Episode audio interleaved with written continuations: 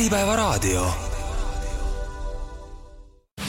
kasvukursil ettevõtete kasvamisele annab hoogu Grant Thornton Baltic tere, head kuulajad, mina olen saatejuht Gregor Alaküla ja tänases Kasvukursil saates räägime töölepingu erakorralisest ülesütlemisest töötaja poolt. räägime, kuidas tööandjana ennast õiguslikult pahatahtlikkuse eest kaitsta ja kuidas end nii töötaja kui tööandjana siis tööalastes suhetes õiguslikult üldse paremini kaitsta. Külas on Tööinspektsiooni töövaidluskomisjoni juhataja Grete Petersmann, tere! tere! Grant Thornton Balticu õigusnõustaja Merli Keskküla, tere hommikust! tere! ja Grant Thornton Balticu personalijuht Margelit Viinova, tere! tere hommikust! kuna me kõik oleme ka kuskil ettevõttes töötajad, siis alustamegi võib-olla hoopis töötaja vaatest, et kõike töötaja õigustega seotud reguleerib töölepingu seadus. millal saab töötaja siis töölepingu üldse üles öelda? Äh, töötaja saab töölepingu erakorraliselt üles öelda eelkõige mõjuval põhjusel äh, ja, ja see mõjuv põhjus äh, seaduse kohaselt on eelkõige siis tööandjapoolne ebaväärikas kohtlemine. Näiteks juhud, kui tööandja viivitab töötasu maksmisega, see ei pea olema täies ulatuses, see võib olla ka osaliselt. ja, ja kolmas alus on see, kui ähm, töökeskkonnas on oht töötaja elule, tervisele, kõlbelisusele või heale nimele. Aga see loetelu ei ole selles mõttes fikseeritud. Et neid äh, põhjuseid võib olla tegelikult äh, veel, aga oluline on just see, et see põhjus on mõjuv ja, ja selle mõjuva põhjuse tõttu mõlema poole huvisid, äh, ootusi arvestades, siis selle töösuhte jätkamine ei oleks mõistlik. see on erakorraliselt, aga nii-öelda tavatingimustes, kui palju peab ette teatama soovist töölt lahkuda ja kuidas äh,? erakorralise ülesütlemise puhul töötajal ei olegi ülesütlemise tähtaega ette nähtud, ta võib seda tegelikult teha ka päevapealt Äh, ja, ja see ülesütlemisavaldus peab olema vähemalt kirjalikku taasesitamist võimaldavas vormis ja see on nüüd võib-olla ohukoht äh, tööandjale, et äh, kui see ülesütlemisavaldus saabub sõnumiga või näiteks kusagil sotsiaalmeediakanalis, siis tuleb juhina olla väga tähelepanelik ja aru saada, et see on nüüd erakorraline ülesütlemine, sest see tähendab seda, et tööandja peab järgmisi samme tegema sellega seoses kui töötaja kirjutab ülemusele Messengeri, et ma homme tööle ei tule, siis see ei loe või loeb? Siin tuleb nüüd seda ülesütlemise avalduse sisu hinnata. E, et kas see on lihtsalt see, et ma ei tule tööle, sest ma olen haige või mingi muu põhjus või nüüd see, et ma ei tulegi mitte kunagi enam tööle e, või siis on see, et ma ei tule mitte kunagi enam tööle, sest et sa tegid midagi väga valesti. nii, Grete, töövaidluskomisjoni juhataja, on selliseid vaidlusi olnud? on ikka, ja Messengeri teel töölepingu ülesütlemisi tuleb ikka ette, et see kirjalikku taasesitamist võimaldav vorm Messengeris sõnumi teel on äh, ikkagi täidetud ja, ja töötajad, äh, kui näiteks tööandjaga tavapärane suhtlusviis ongi Messengeri kaudu, äh, siis töötajad seda ka kasutavad hästi, aga ma saan aru, et see teema ongi päevakajaline sellepärast, et praegu üha rohkem tööandjaid selliste ülesütlemiste ja olukordadega puutuvadki kokku, võib-olla siis selle tõttu, et paljud ettevõtted koondavad või siis mis iganes muudel põhjustel, et räägikski siis need tüüpilisemad näited läbi. Eh, Merli, tõite erinevaid näiteid, mis need alused võivad olla erakorraliseks ülesütlemiseks, mis need nii-öelda tüüpilisemad või populaarsemad on? miks öeldakse tööleping erakorraliselt üles? Äh, töövaidluskomisjonide praktikast võib-olla Äh, noh, tavapärane nii-öelda on see töötasuga mitte, töötasu mitte maksmine tööandja poolt, et nagu Merli ka viitas, siis äh, on, on ka praktikas neid olukordi, kus äh, jäetakse mitmel kuul töötasu siis täies ulatuses maksmata või siis makstakse osaliselt jupikaupa niimoodi, et töötajal põhimõtteliselt ei olegi aru saada, millal see palgapäev siis on, et seda töötasu laekub äh, mitmel päeval kuus äh,. on ka töökiusamise vaidlusi päris, päris palju viimasel ajal, kus töötajad siis tunnetavad kas siis tööandja või kaaskolleegide poolt sellist ebaväärikat kohtlemist, millega siis nad leiavad, et ei saa seda töösuhet ikkagi jätkata. On näiteid selle ebaväärika kohtlemise alla, paljud, kes eh, võib-olla ei kujuta sellist olukorda ette, saate tuua näiteid? no töökiusamiseks äh, näiteks on peetud, äh, mis võib-olla ei lähe ikkagi töökiusamise alla, on näiteks seletuskirjade kirjutamise nõudmine tööandja poolt kus siis tööandja soovib töötajatelt saada selgitusi mingisuguse olukorra kohta, mis on ettevõttes või töökeskkonnas toimunud. On peetud töökiusamiseks ka hoiatuse tegemist, kui töötaja leiab, et see on ikkagi ebaõiglaselt tehtud, et siis ta ei tunne ennast selles töösuhtes enam hästi. on juttude levitamist, on sõimamist, karjumist, et igasuguseid asju tuleb töö suhtes ette mm. -hmm mul on siin seaduse paragrahv endal ees, töötaja võib töölepingu erakorraliselt üles öelda tööandja poolse kohustuse olulise rikkumise tõttu, eelkõige kui tööandja on kohelnud töötajat ebaväärikalt, millest oli juttu, või ähvardanud sellega või lubanud seda teha kaastöötajatel või kolmandatel isikutel, selliseid näiteid ka on äh,? on ikka äh,. noh, see ähvardamine, seda praktikas otseselt ei ole ette tulnud, et ma praegu näiteid ei, ei oskagi tuua aga lubanud seda teha kaastöötajatel, see võib olla, noh, ongi see, et kolleegid äh, nii-öelda kiusavad või äh, kohtlevad töötajat ebaväärikalt ja tööandja ei võta midagi selles osas ette. et kui töötaja on sellest andnud tööandjale või otsesele juhile teada, siis kindlasti tuleb sellega tegeleda äh,, võtta mingisuguseid meetmeid kasutusele, uurida seda olukorda, ehk siis lubamine sisuliselt ongi see, et tööandja on sellest olukorrast teadlik, aga ta ei võta midagi ette. nii et kui töökeskkonnas on selline kiusamise õhkkond, Eh, siis ühel hetkel võib mõnelt töötajalt eh, saabuda Messengeri teade, et homme ma ei tule. Just. kõik noogutavad, hästi mm. -hmm. Marge, personalijuhina kujutate sellist olukorda ette, olete kokku puutunud? Äh, otseselt meie ettevõttes, kus mina töötan, äh, ei ole sellega kokku puutunud, aga see ongi, millega tegelikult ettevõtted peaksid tegelema või mõtlema oma protsesside peale kuidas näiteks äh, uued inimesed liituvad või kuidas üldse sellist firmakultuuri kujundatakse, samamoodi protsessid, juhtide koolitamine, rääkimine, millised on sellised käitumisnormid töökeskkonnas. et see kõik algabki selles mõttes sellisest vundamendist, et mis seal ettevõttes tegelikult siis laotud on, et, et ja millele tähelepanu pööratakse aga laiemalt muidugi on, on selliseid juhtumeid olnud enda tutvusringkonnas ka, et kui personalijuhina töötan, et siis, siis ikka selliseid erakordseid eh, juhtumisi jagatakse üksteisega ja, ja, ja selles mõttes paraku või noh, pean kahjuks ütlema, et selliseid ettevõtteid ikkagi on täna, et kus sellist nii-öelda noh, jah, kas siis kiusamist või, või jah, või, või kuidagi tõrjumist, et kui tuntakse, et inimene enam ei sobi või, või ta ei meeldi meile miskil põhjusel, et siis ei, ei taheta seda lõpetada, seda töösuhet kuidagi normaalselt, vaid püü-, tööandja siis püüab hakata erinevaid vigureid kasutama. ma olen kuulnud sellist ütlust, et tullakse nii-öelda töötingimuste ja näiteks palga pärast, aga lahkutakse sellise kehva töökeskkonna pärast. ja juhtimise pärast, et paraku jah, kindlasti on mitmeid olukordi, kus see vastab töö, tõele ehk siis ikkagi see, milline, millisena tööandja on siis selle töökeskkonna kujundanud ja milline on siis ka võib-olla töötajate ja äh, siis ülemuste vaheline kommunikatsioon, äh, kuivõrd see mingeid lahkhelisid põhjustab? kindlasti põhjustab ja juristina on hästi äh, kerge näha, kuidas äh, alguses töösuhet alustades kõik on roosa ja lilleline, pooled on õnnelikud, leping on ka selline põlve otsas, keegi professionaal pole pilku peale visanud ja siis tuleb mingi hetk, kus suusad lähevad risti. ja, ja siis seda pudru ja kapsaid hakata lahti harutama on tegelikult väga keeruline ja ausalt öeldes tööandja jaoks päris kallis Äh, et ähm.... on sellised olukorrad siis, kas võib öelda, et võib-olla väiksemate ettevõtete probleemiks? mina nii ei ütleks, et ma usun, et äh, selliseid noh, kindlasti töövaidluskomisjon teab, teab, teab rohkem, aga ma arvan, et see on ikkagi äh, ka suurettevõtete, keskmiste ettevõtetest tuleb selliseid teemasid tegelikult ette.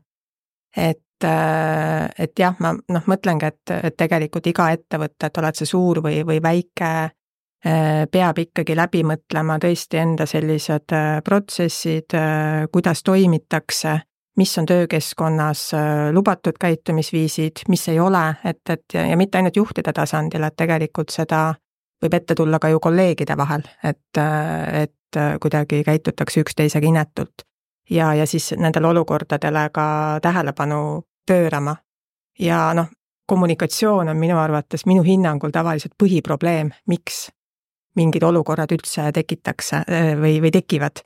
et noh, see puudutab nii tagasiside andmist inimestele ja et noh, ka töötajate poolt tegelikult juhtidele, et, et ei räägita asjadest või ei olegi siis sellist formaati üldse, üldse ettevõttes, et kuidas siis info peaks liikuma, et kuidas info liigub, et sealt noh, kas või noh, me enda ettevõttes oleme ka tegelikult töölt lahkumise töökorraldusreeglites äh, dokumenteerinud tegelikult, et, et kui töölt lahkumine tuleb, äh, töötaja soovil, et ta tegelikult teab täna seda protsessi, kuidas ta seda tegelikult siis tegema, tegema nagu peab, et et noh, see puudutab tõesti kõike, kõike, mis inimeste olemist või, või sihukest töötaja elukaart tegelikult ettevõttes puudutab ma saan aru, et teie ettevõttes selliseid kommunikatsiooni ja kiusamise probleeme ei ole, et võib-olla siis olekski huvitav seda näidet kuulda, et mida siis töötaja niimoodi normaalses korralikus ettevõttes reeglite järgi tegema peaks, kuidas see teie ettevõttes on korraldatud?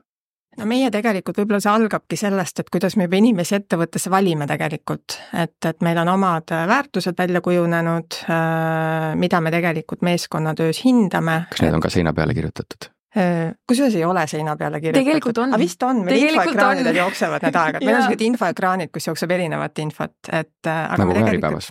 just, just., aga sellist jah, et kivisse raiutud meil ei ole, et meil on üüri, üüri või rendipind et aga, aga selles mõttes äh, jaa, et me räägime, meil noh, kõik, kes värbavad, et kuna meil on juhid ka värbamisse väga tihedalt kaasatud, et tegelikult siis see meeskond ju valib lõpuks, see juht valib omale inimese, see inimene valib selle juhi, kas talle sobib see inimene, et see on ka ikkagi juba kokkulepe tööle asumisel, et, et kas me sobime üksteisele ja meil on ka tihtipeale tiimid kaasatud. et ka nemad annavad oma, oma hinnangu, et kui on viie viieliikmeline tiim, et kas nad nagu näevad seda inimest oma meeskonna liikmena.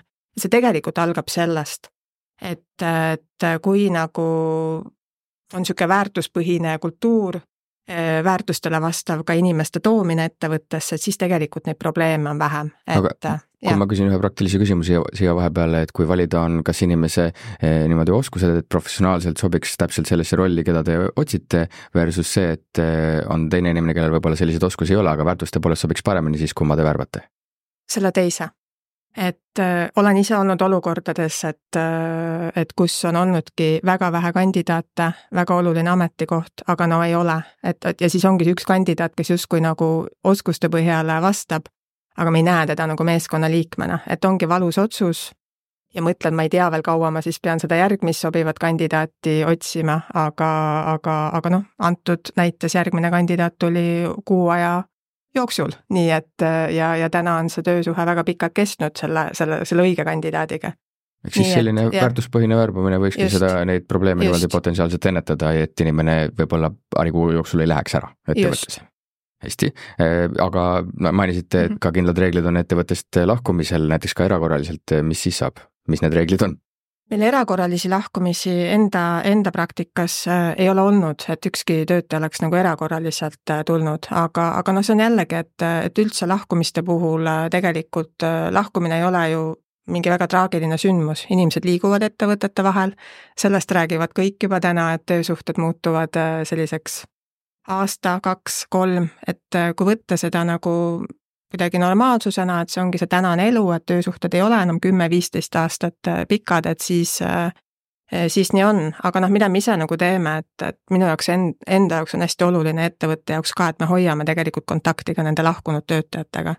et nad lähevad ära toredasti, käepigistuste, lillede, kolleegidega, koosolemise, on veel viimane koosolemine, aga, aga samamoodi me hoiame kontakti, teeme näiteks kolm korda aastas üritusi lahkunud töötajatele. nii et, et, et noh, need ja, ja on ka olnud paar näidet, kus nelja kuuga on juba inimene tagasi tahtnud meie ettevõttesse tulla. nii et ma arvan, see ongi hästi oluline, et see turvatunne on inimesel ka lahkudes, et ta teab, et kui midagi ei õnnestu, et, et ma võtan ühendust ja, ja on alati ka see tagasitee.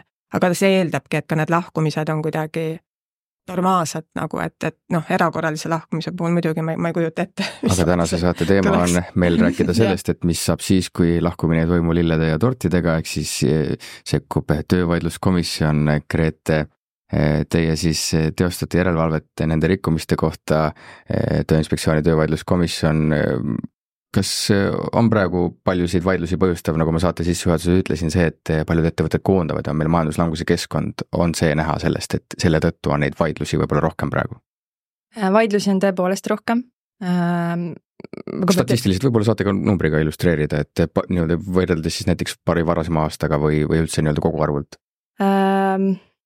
eelmine aasta oli üle kahe tuhande vaidluse, täpselt peast nüüd ei mäleta, aga sellel aastal on juba üle kolmesaja, ehk siis äh, kahe kuuga on äh, päris palju neid kogunenud.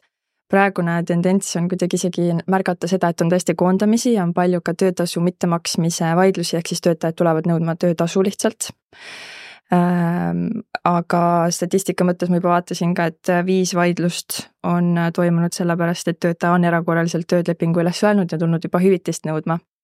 ehk siis, äh, ehk siis neid ikkagi juba, juba ka on. Aga mis siis saab, kui pöördub siis, kas äh, enamasti pöördub töötaja töövaidluskomisjoni või pigem tööandja? Äh, see on ikkagi töötaja poole kaldu, et meil on küll mõlemaid, aga suurem osa on ikkagi töötajad. mis siis saab, kuidas see töövaidluskomisjon äh, asju menetleb ja kui kaua? meil on seadusega paika pandud, kui kaua meil see menetlus aega võtab, see on nelikümmend viis päeva, ehk see on üsna lühikene aeg. aga eesmärk ongi see, et me saaksime kiirelt ja lihtsalt need vaidlused lahendatud ja, ja selles mõttes on ka oluline tööandjatele võib-olla rõhutada seda, et kui nad saavad selle ülesütlemise avalduse, erakorralise ülesütlemise avalduse, siis äh, isegi kui töötaja selle või tööandja sellega ei nõustu, siis äh, tööandja ise seda tühisust tuvastada ei saa, et see käib ikkagi töövaidlusorgani kaudu, kas siis töövaidluskomisjoni või kohtu kaudu. ja see on ka kolmekümne päevaga piiritletud, ehk siis tööandja peab ka kiiresti reageerima sellele. isegi kui äh, töötaja näiteks ei ole väga selgelt väljendanud enda tahet kasvõi seal Messengeris kirjutab, et mina homme tööle ei tule, sest et äh, näiteks töötasu hilines üks päev, eks.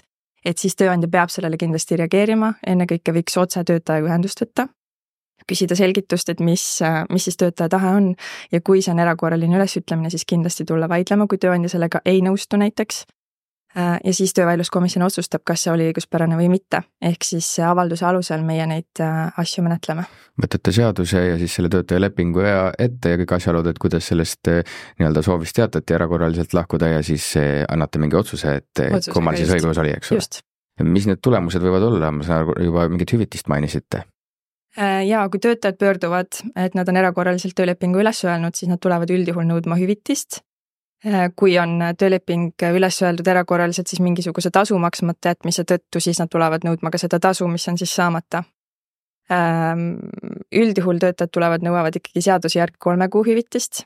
Äh, olenevalt vaidluse asjaoludest, siis töövaidluskomisjon saab seda hüvitise suurust muuta, et me hindame ikkagi vaidluse asjaolusid, poolte käitumisi, et neid hüvitisi on olnud erinevaid. kui mõjusad need otsused on, makstakse lõpuks välja töötajale? Äh, seda me ei oska öelda, seda me ei tea, mis nendest otsustest saab. et äh, mõned äh, tööandjad lähevad ka edasi kohtusse vaidlema, ehk siis meie otsus ei jõustugi. mõnel juhul ikkagi tööandja, kui otsus jõustub, peab seda täitma ja kui ei täida, siis on täitemenetluse alustamise võimalus töötajal olete pidanud statistikat, et kui palju siis kohtus on töövaidluskomisjoni otsuseid ümber vaadatud? Äh, mul praegu seda numbrit paraku ei ole, aga, aga see ei ole suur number, sellepärast et kohtutes on ikkagi neid vaidlusi võrreldes töövaidluskomisjoniga oluliselt vähem. et äh, kahe-kolmesaja tuuri kuskil üleüldiselt, mis siis on ka alustatud kohtust, et ei ole töövaidluskomisjonist läbi käinud hästi, aga siin teeme väikse pausi saatesse, see on kasvukursil, mina olen saatejuht Gregor Alaküla ja me räägime töölepingu erakorralisest ülesütlemisest. külas on Tööinspektsiooni töövaidluskomisjoni juhataja Grete Petersmann, Grant Thornton Balticu õigusnõustaja Merli Keskküla ja Grant Thornton Balticu personalijuht Marge Litvinova. äripäeva raadio. kasvukursil ettevõtete kasvamisele annab hoogu Grant Thornton Baltic jätkub saade Kasvukursil, mina olen saatejuht Gregor Alaküla ja me räägime töölepingu erakorralisest ülesütlemisest töötaja poolt. külas on töövaidluskomisjoni juhataja Grete Petersmann, Grant Thornton Balticu õigusnõustaja Merli Keskküla ja Grant Thornton Balticu personalijuht Marge Litvinova. esimeses pooles oli juttu sellest, et selline töökius ja ahistamine töökeskkonnas võib ka olla aluseks töölepingu erakorraliseks ülesütlemiseks ja töövaidluskomisjon siis peab hakkama eh, võtma seaduse ette ja menetlema seda olukorda. kui palju, kuivõrd on võimalik sellist olukorda üldse tõendada, enamasti on ikka sõna sõna vastu? just täpselt, see ongi see raske koht töötajatele eriti, eh, kus nad ei suuda seda töökiusamist tõendada. Eh, seadusandluses ei ole isegi töökiusamise mõistet kui sellist reguleeritud, ehk siis lähtume kohtupraktikast, kus siis on öeldud, et töökiusamine peab olema pikaajaline, süstemaatiline, ähm, töötaja on siis äh, nii-öelda kehvas olukorras, äh, teinekord nii-öelda tööandja on ikkagi võimupositsioonil, et ta tunneb ennast nii-öelda alandlikuna. Äh, et see ongi keeruline asi, mida tõendada, üldjuhul on tunnistajad ju ka tööandja töötajad, kes ei julge või ei tahagi tulla ka töövaidluskomisjoni tunnistama. ehk siis jäävadki ainult dokumentaalsed tõendid üldjuhul töökiusamise olukorrad on ju ikkagi noh, näiteks ongi karjumine või halvasti ütlemine või, või sellised suulised asjad, et äh, neid, mis on näiteks kirja teel või, või e-kirja teel äh, olemas, on väga vähe. mis siis tegema peaks, hakkama filmima igat olukorda? kas siis filmima või, või kohtupraktikas on ka salvestusi kasutatud, eks, küll äärmuslikel juhtudel, aga, aga ikkagi soovitus on äh, suhelda kirja teel. kas siis e-kirja teel või Messengeris või, või ükskõik mis kanalit pidi, et jääks ikkagi mingisugune märk maha sellest, Äh, kuidas töötaja on ennast tundnud või kuidas tööandja siis või kaaskolleeg, olenevalt, kes siis see kiusaja on, on töötajaga käitunud kirja teel jällegi karjumist väga raske tõendada. just, täpselt. et tegelikult see kirja teel suhtlemine on ka tööandja kaitseks juhul, kui, kui töötaja on selline, kes, kes kalastab.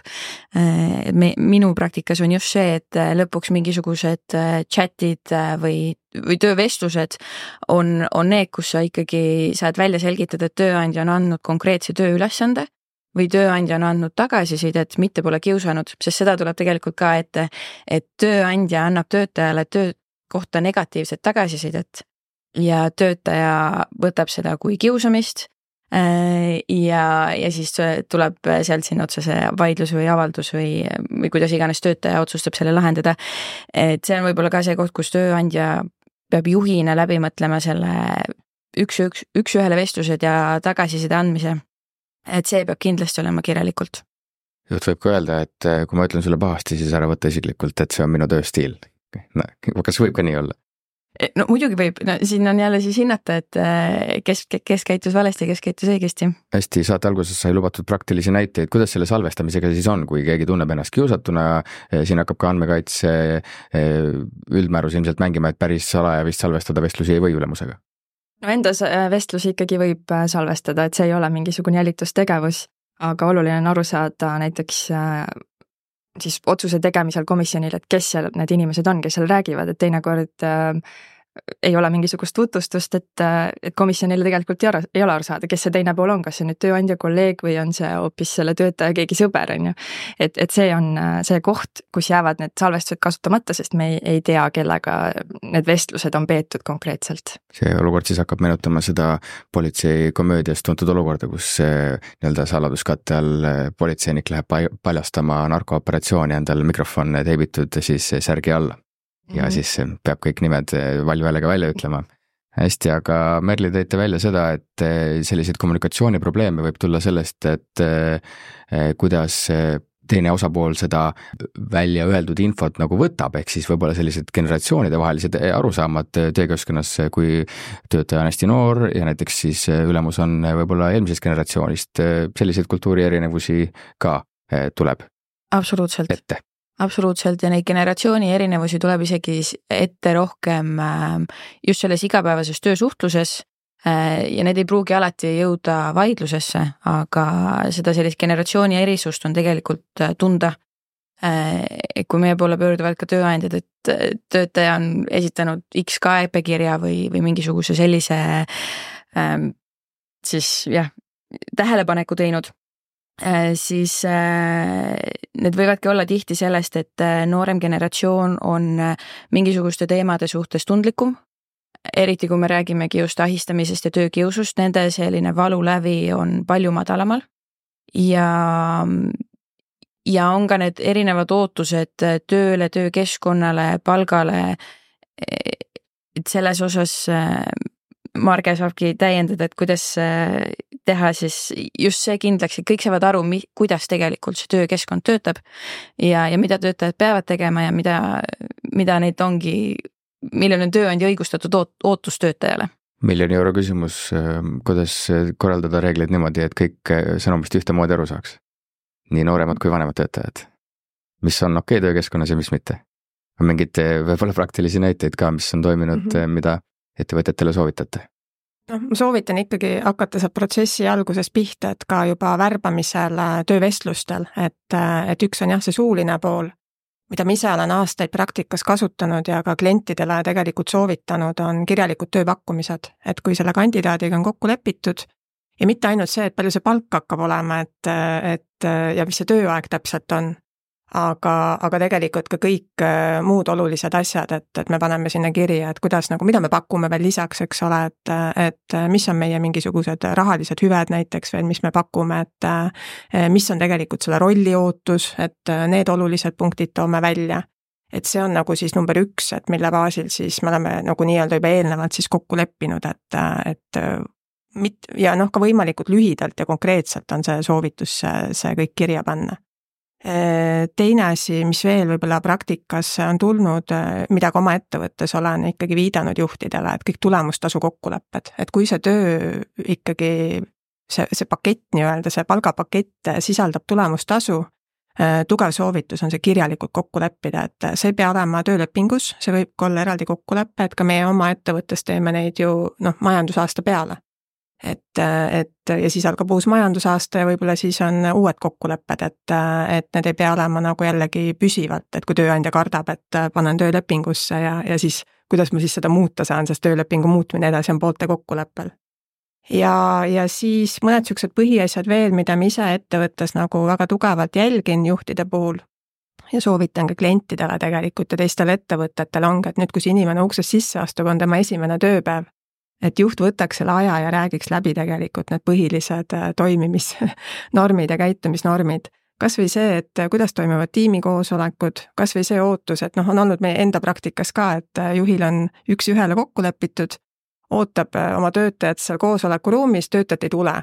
ja siis selgub, et töötaja on Teamsis hoopis, et on kodus hoopis see päev et, et noh, need ongi ta ja noh, juht ütleb, et aga mina tahan, et noh, ta oleks ju siin kohapeal, kui mul see üks-ühele on, et, et aga see ongi see, et mis sa alguses temaga kokku lepid. et kodukontor on okei okay,, et meie ettevõttes saab sellistel tingimustel, aga kui meil on see üks-ühele, et siis minu ootus on, et, et sa sellel päeval oleksid näiteks kontoris, et noh, jälle niisugune väga lihtne asi. ja, ja noh, ongi, et noh, märksõnad ongi tegelikult see ootuste, eesmärkide kokkuleppimine, kuidas me mõõdame katseaja tulemust millist, milline on meie sisseelamine sellele töötajale, kuhu ta peab jõudma katseaja lõpuks, et ja noh, sealt ka edasi, et ikkagi need eesmärgid ja ootused oleksid fikseeritud. sest noh, seda olen ka paraku kuulnud, et justkui tööandja ütleb, et ma ei ole enam selle töötajaga rahul, aga tegelikult ei ole töötajaga läbi räägitud, et mis siis tegelikult need eesmärgid on talle, mis need ootused on, kui on müügitöö, et mis on siis näiteks see müügi eesmärk et need on kõik hästi hägusad olnud ja sealt tegelikult algavadki siis need arusaamatused, et ühel hetkel tööandjale tundub, et ta ei panusta piisavalt, tema sooritus ei ole piisav, aga, aga samas äh, ei ole tegelikult ka töötajale nagu jõudnud siis äh, seda infot, et mis siis tegelikult see, see ootus on, et, et noh, ka eesmärkide seadmisel tegelikult on väga öö, konkreetsed ju põhimõtted, et guugeldades leiab ilusti ma olen Markega täiesti nõus, et äh, vaidlustes on nii hästi näha seda, kus ähm, tööandjal on kõik dokumendid äh, vormistatud, töökorraldusele reeglid on kõik paigas, aga töötaja ütleb mulle istungil, et äh, aga ma ei tea, tööandja andis mulle mingisuguse paki kätte ja näitas, et pane siia allkiri ja, ja ma läksin siis kohe tööd tegema.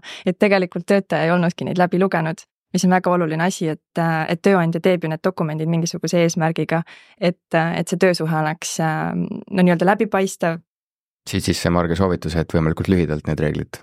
Suuliselt üle rääkida ja, ja noh, mis noh, jällegi, et me liigume ju digitaliseerimise teed, et, et meie ettevõttes nagu ma olen hästi seda poolt olnud, et, et töö peab olema targalt korraldatud, aga samas tõesti noh, nii tööandjale kui töötajale sobivalt. Ja noh, meil näiteks on kõik needsamad põhireeglid, mis me ka suuliselt läbi räägime, noh, mitte ainult nagu töökorraldus, et me räägime täna ka infoturbest ja nii edasi, mis on tegelikult järjest-järjest äh, olulisemad.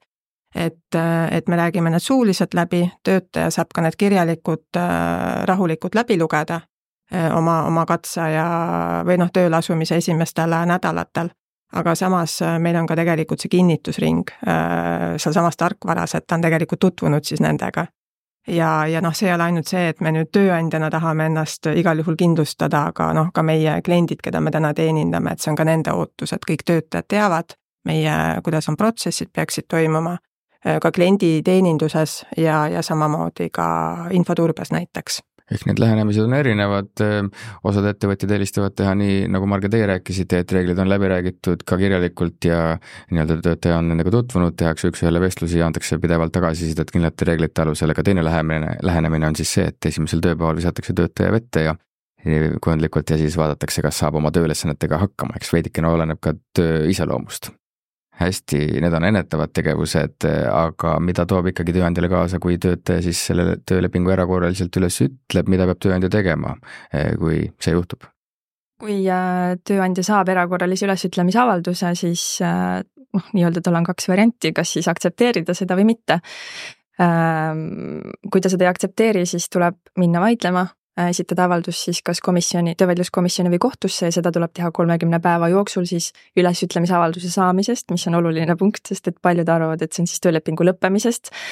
aga ülesütlemisavalduse saamisest kolmekümne päeva jooksul avaldust tuleb põhjendada, miks siis tööandja sellega ei nõustu Ehm, ja siis otsustab komisjon tõendite põhjal, kas oli õigustatud või mitte, olenevalt siis sellest, mis põhjusel töötaja töölepingu erakorraliselt üles ütles.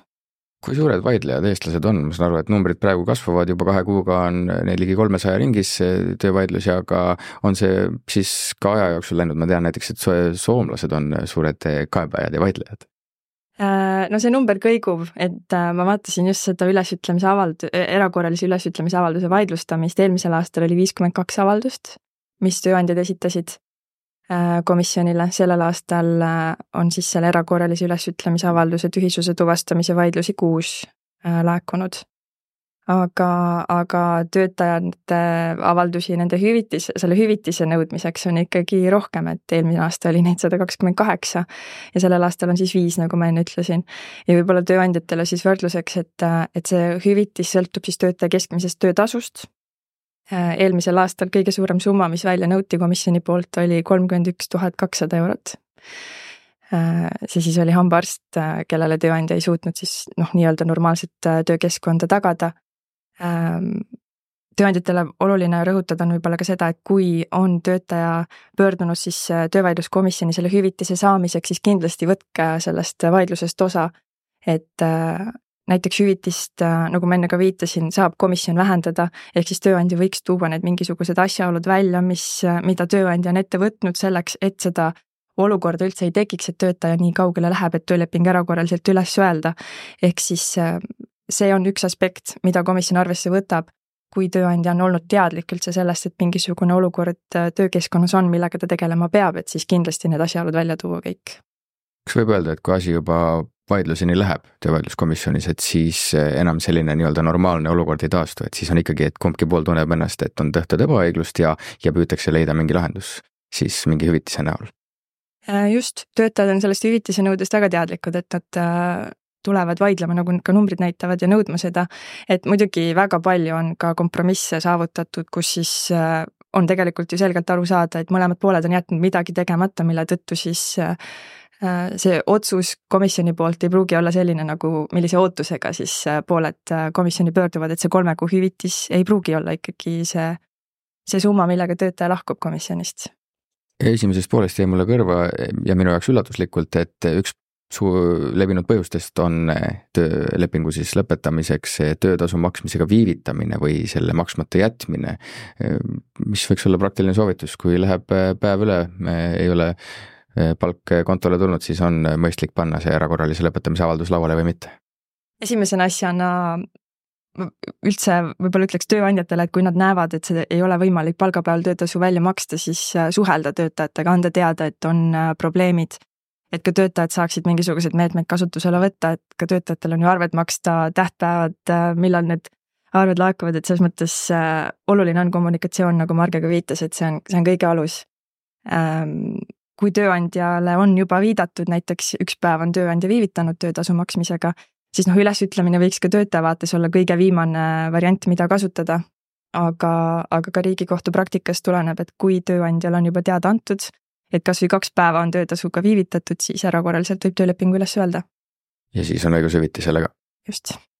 hästi, mul veel need seaduse paragrahvid ka ees siis eh, mis on alused eh, selleks, et selle lepingu võiks üles öelda, töötaja võib töölepingu erakorraliselt üles öelda töötaja isikust tuleneval põhjusel, eelkõige kui töötaja terviseseisund või perekondlikud kohustused ei võimalda tal kokkulepitud tööd teha ja tööandja ei võimalda talle sobivat tööd. Kui palju see tõlgendusruumi annab, ma kujutan ette seda olukorda niimoodi, et eh, töötaja toob põhjenduseks, et ma pean, ma ei tea, lapsega kodus olema eh, või, või mul on köha ja, ja ei tule.